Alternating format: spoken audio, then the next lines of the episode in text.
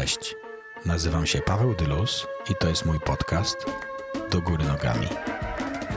Będę Wam chciał opowiedzieć o mojej podróży z Bogiem i jak wywróciła ona moje życie do góry nogami. Zapraszam serdecznie.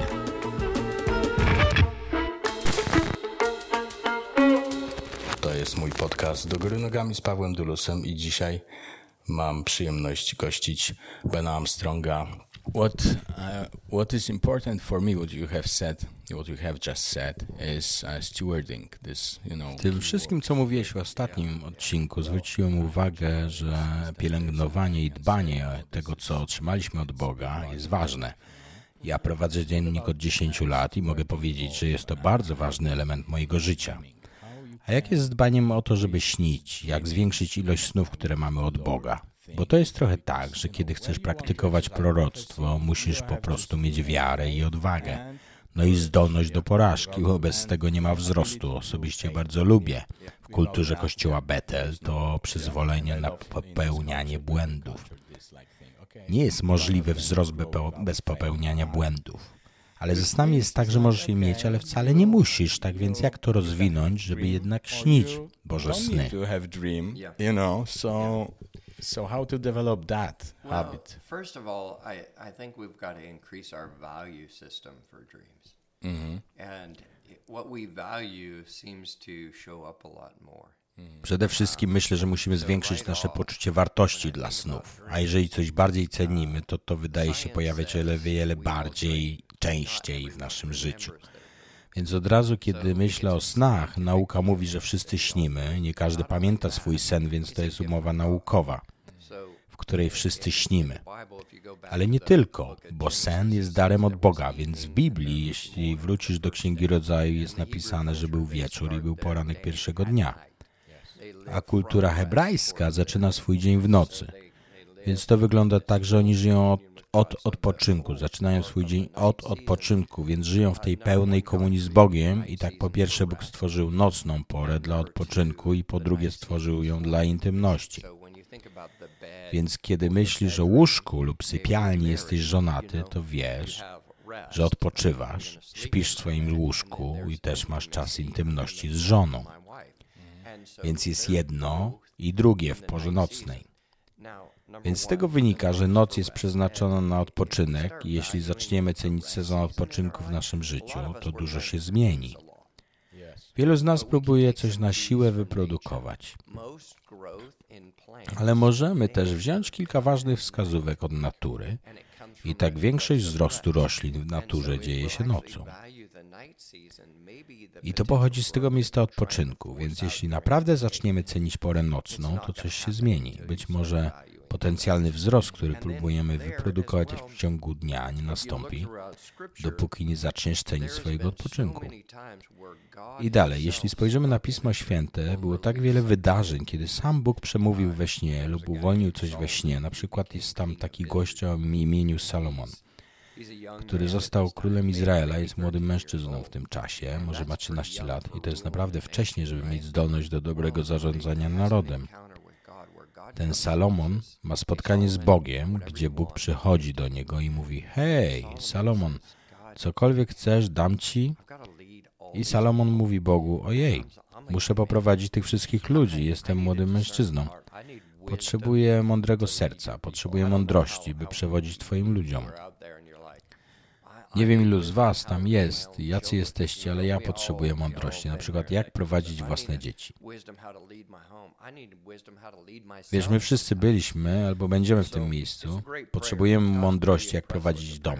Czasami potrzebujemy mądrości, jak prowadzić siebie, jak zarządzać sobą. No i czasami wszyscy myślimy w taki sposób właśnie.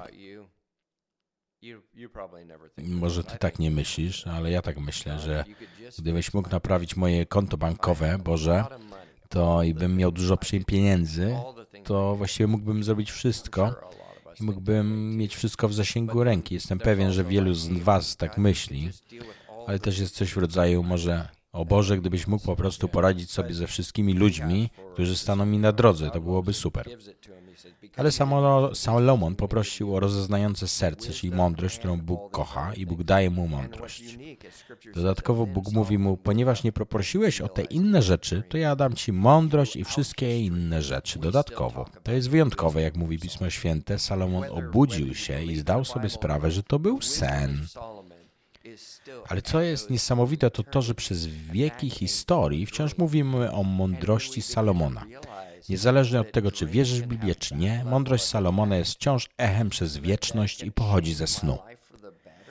A kiedy zaczynamy zadawać sobie, zdawać sobie sprawę, że sny mogą mieć taki poziom wpływu, że mogą zmienić moje życie na lepsze, to kiedy zacznę doceniać te sny, przez które mogę lepiej poznać siebie, to dużo się zmieni. Zobacz, przy takim podejściu nawet sen oparty na doświadczeniach duszy nie oznacza, że jest to złe doświadczenie. Tak naprawdę taki sen mówi mi, czym się karmię, czym się martwię, czego się boję. Te wszystkie informacje mogą sprawić, że mogę być dużo bardziej samoświadomy. I kiedy zaczynam zwracać uwagę i doceniać swoje sny, nagle wkraczam na zupełnie inny poziom mądrości. To zabawne, ponieważ nauka mówi, że zanim skończysz 60 lat, to już przespałeś prawie 20 lat swojego życia, więc jedną trzecią życia spędzamy śpiąc. Śmiejesz się, bo w takich momentach myślimy, ojej, marnuję tyle czasu, 20 lat mojego życia. Ale powin może powinniśmy mieć inną perspektywę że Bóg e, wie, co robi i faktycznie to zaplanował, zaaranżował tak, jak to powinno być. I może nie powinniśmy walczyć z prawami, które zostały ustalone. Może powinienem pomyśleć, o, gdybym to zaakceptował i docenił, pojawiłby się również wszelkiego rodzaju korzyści zdrowotne. Gdy zaczniesz się uczyć tego, jak produktywnie śnić, no może będziesz miał jedną godzinę więcej od, odpoczynku po prostu i to jest wielka sprawa. I liked what on uh, some prophetic panel with your family, which mm. uh, I put Oglądałem panel proroczy i bardzo dużo rzeczy mi się tam podobało. Twoje córki dzieliły się tym, jak kultywować zdrową kulturę chodzenia do łóżka, śnienia z Bogiem. Jedna z twoich córek opowiadała, jak mm, rano każdego dnia pytałeś, o czym śniła w nocy. Twoja inna córka, Kiara, mówiła o tym, jaki wpływ miała twoja żona, a jej mama na podejście do tego, żeby dbać o to, co powiedział jej Bóg, co jej się przyśniło. Opowiada, jak pozytywny wpływ na nią miało to, że widziała swoją mamę, która codziennie rano prowadzi dziennik i notuje to, co jej się przyśniło albo co powiedział jej Bóg. Niesamowite, jak rozwinąłeś tę kulturę snu w swoim domu. Wygląda na to, że masz to trochę we krwi. Możesz opowiedzieć, jak to się stało, jak to się zaczęło? Developing on the culture, yeah, of dreaming. How it happened and what, what is like, how, how you are doing that, you know? And it didn't start like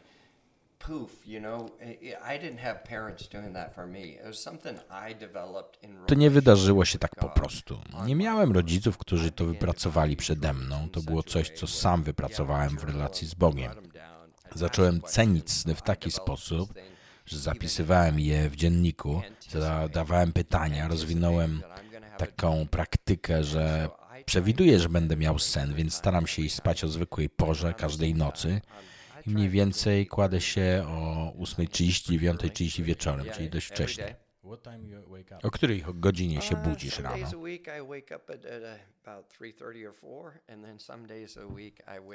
W niektóre dni tygodnia budzę się około 3.30 rano lub 4.00, a w inne dni budzę się około 6 rano, więc jest tu kilka różnic. Ale staram się chodzić spać o regularnych porach i przed pójściem do łóżka oczekuję. Mówię, Boże, zabierz mnie dziś wieczorem na przygodę. I tak samo robiłem z moimi dziećmi, kiedy były małe. Spodziewały się, wiedziały, że jeżeli tata ma sny, to ja też będę mieć sny. A potem nie zostawialiśmy tak tego po prostu. Okej, okay, będziemy mieć jakieś tam sny. Kiedy się obudzimy, będziemy rozmawiać o snach. Tak więc zacząłem od rozmowy z Bogiem, leżałem w łóżku, budziłem się i siedziałem tam i mówiłem, och, czy ja miałem sen zeszłej nocy? Co to było? Boże, czy Ty byłeś w tym śnie? Zacząłem to przetwarzać, zacząłem zadawać Bogu pytania dotyczące snów. Pytania o różne aspekty, różne metafory, różne symbole, co to znaczy, co się tutaj działo. I właśnie te pytania Bóg kocha. Bo Bóg kocha rozmowę z nami. Teraz myślę, że faktycznie uwalnia sny w metaforach, w tej, ten tajemniczy rodzaj symbolicznego języka i robi to nie dlatego, że coś przed nami ukrywa, ale dlatego, że przygotowuje coś dla nas, żebyśmy mogli sami coś ważnego odkryć. I Bóg kocha relacje, więc gdybyś od razu znał odpowiedź, gdyby Bóg mówił dosłownie za każdym razem, bylibyśmy z Bogiem w relacji na zasadzie koleżeństwa. Because I don't, don't pay attention, yeah. Albo nie obchodzi mnie to. Nie zwracam uwagi na to, co powiedziałeś, Boże, bo to jest zbyt proste i mało ważne. Tak. Teraz jest dużo ludzi na świecie, którzy właściwie nie zwracają uwagi na swoje sny. Na zasadzie mam dużo snów i po prostu je ignoruję. A ja powiedziałbym, że każdy, kto ignoruje swoje sny, ignoruje ogromną skarbnicę prawdziwej mądrości życiowej mądrości dojrzałości, które potencjalnie możemy przegapić.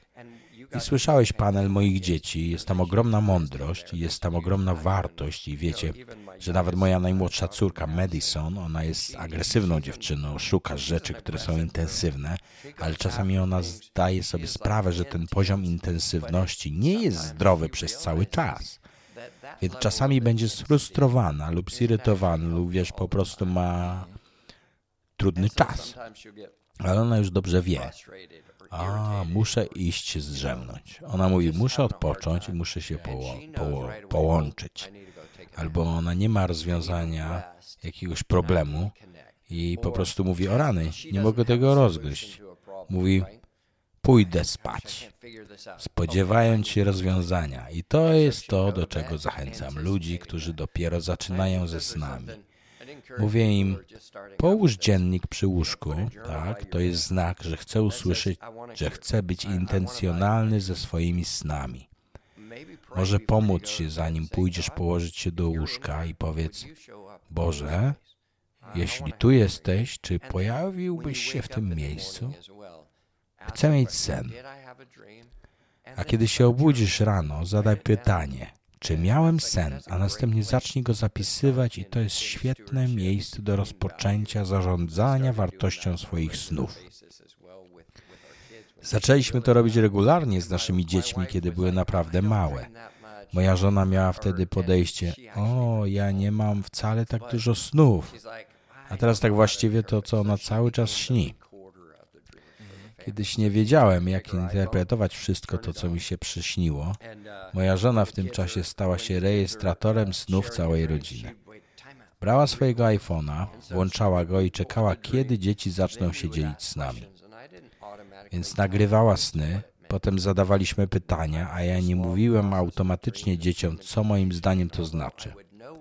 Przyszedłem drugi proces ze snami i interpretacją snów i chociaż czasami wiedziałem, co to wszystko znaczy, nie chciałem im po prostu mówić. Chciałem, żeby nauczyły się interpretacji same. Najlepszym sposobem, czy nauką na interpretację są pytania. Więc pytałem, och, co myślisz, że to znaczy? Och, jak myślisz, co to może symbolizować? Och, jaki rodzaj relacji masz z tą osobą?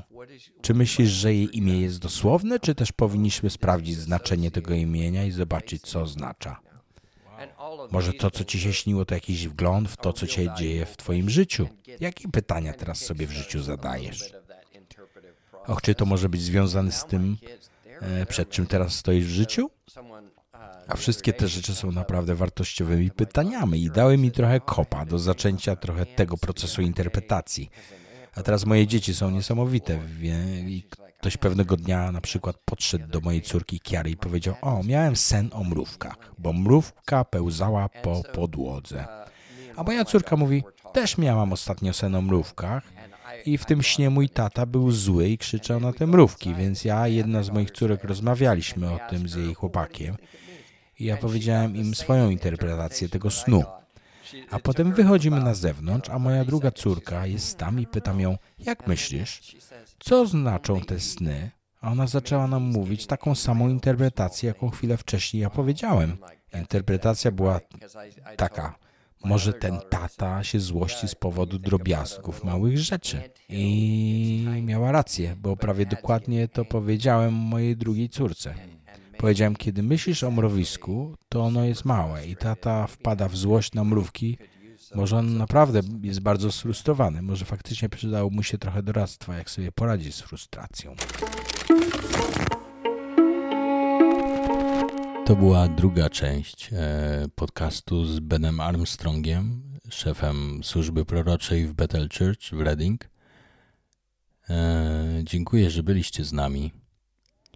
Za tydzień będzie trzeci odcinek z Benem, ostatni. E, cieszę się, że możecie to słyszeć. Życzę Wam dobrego dnia, dobrej nocy. Do góry nogami z Pawłem Dylusem.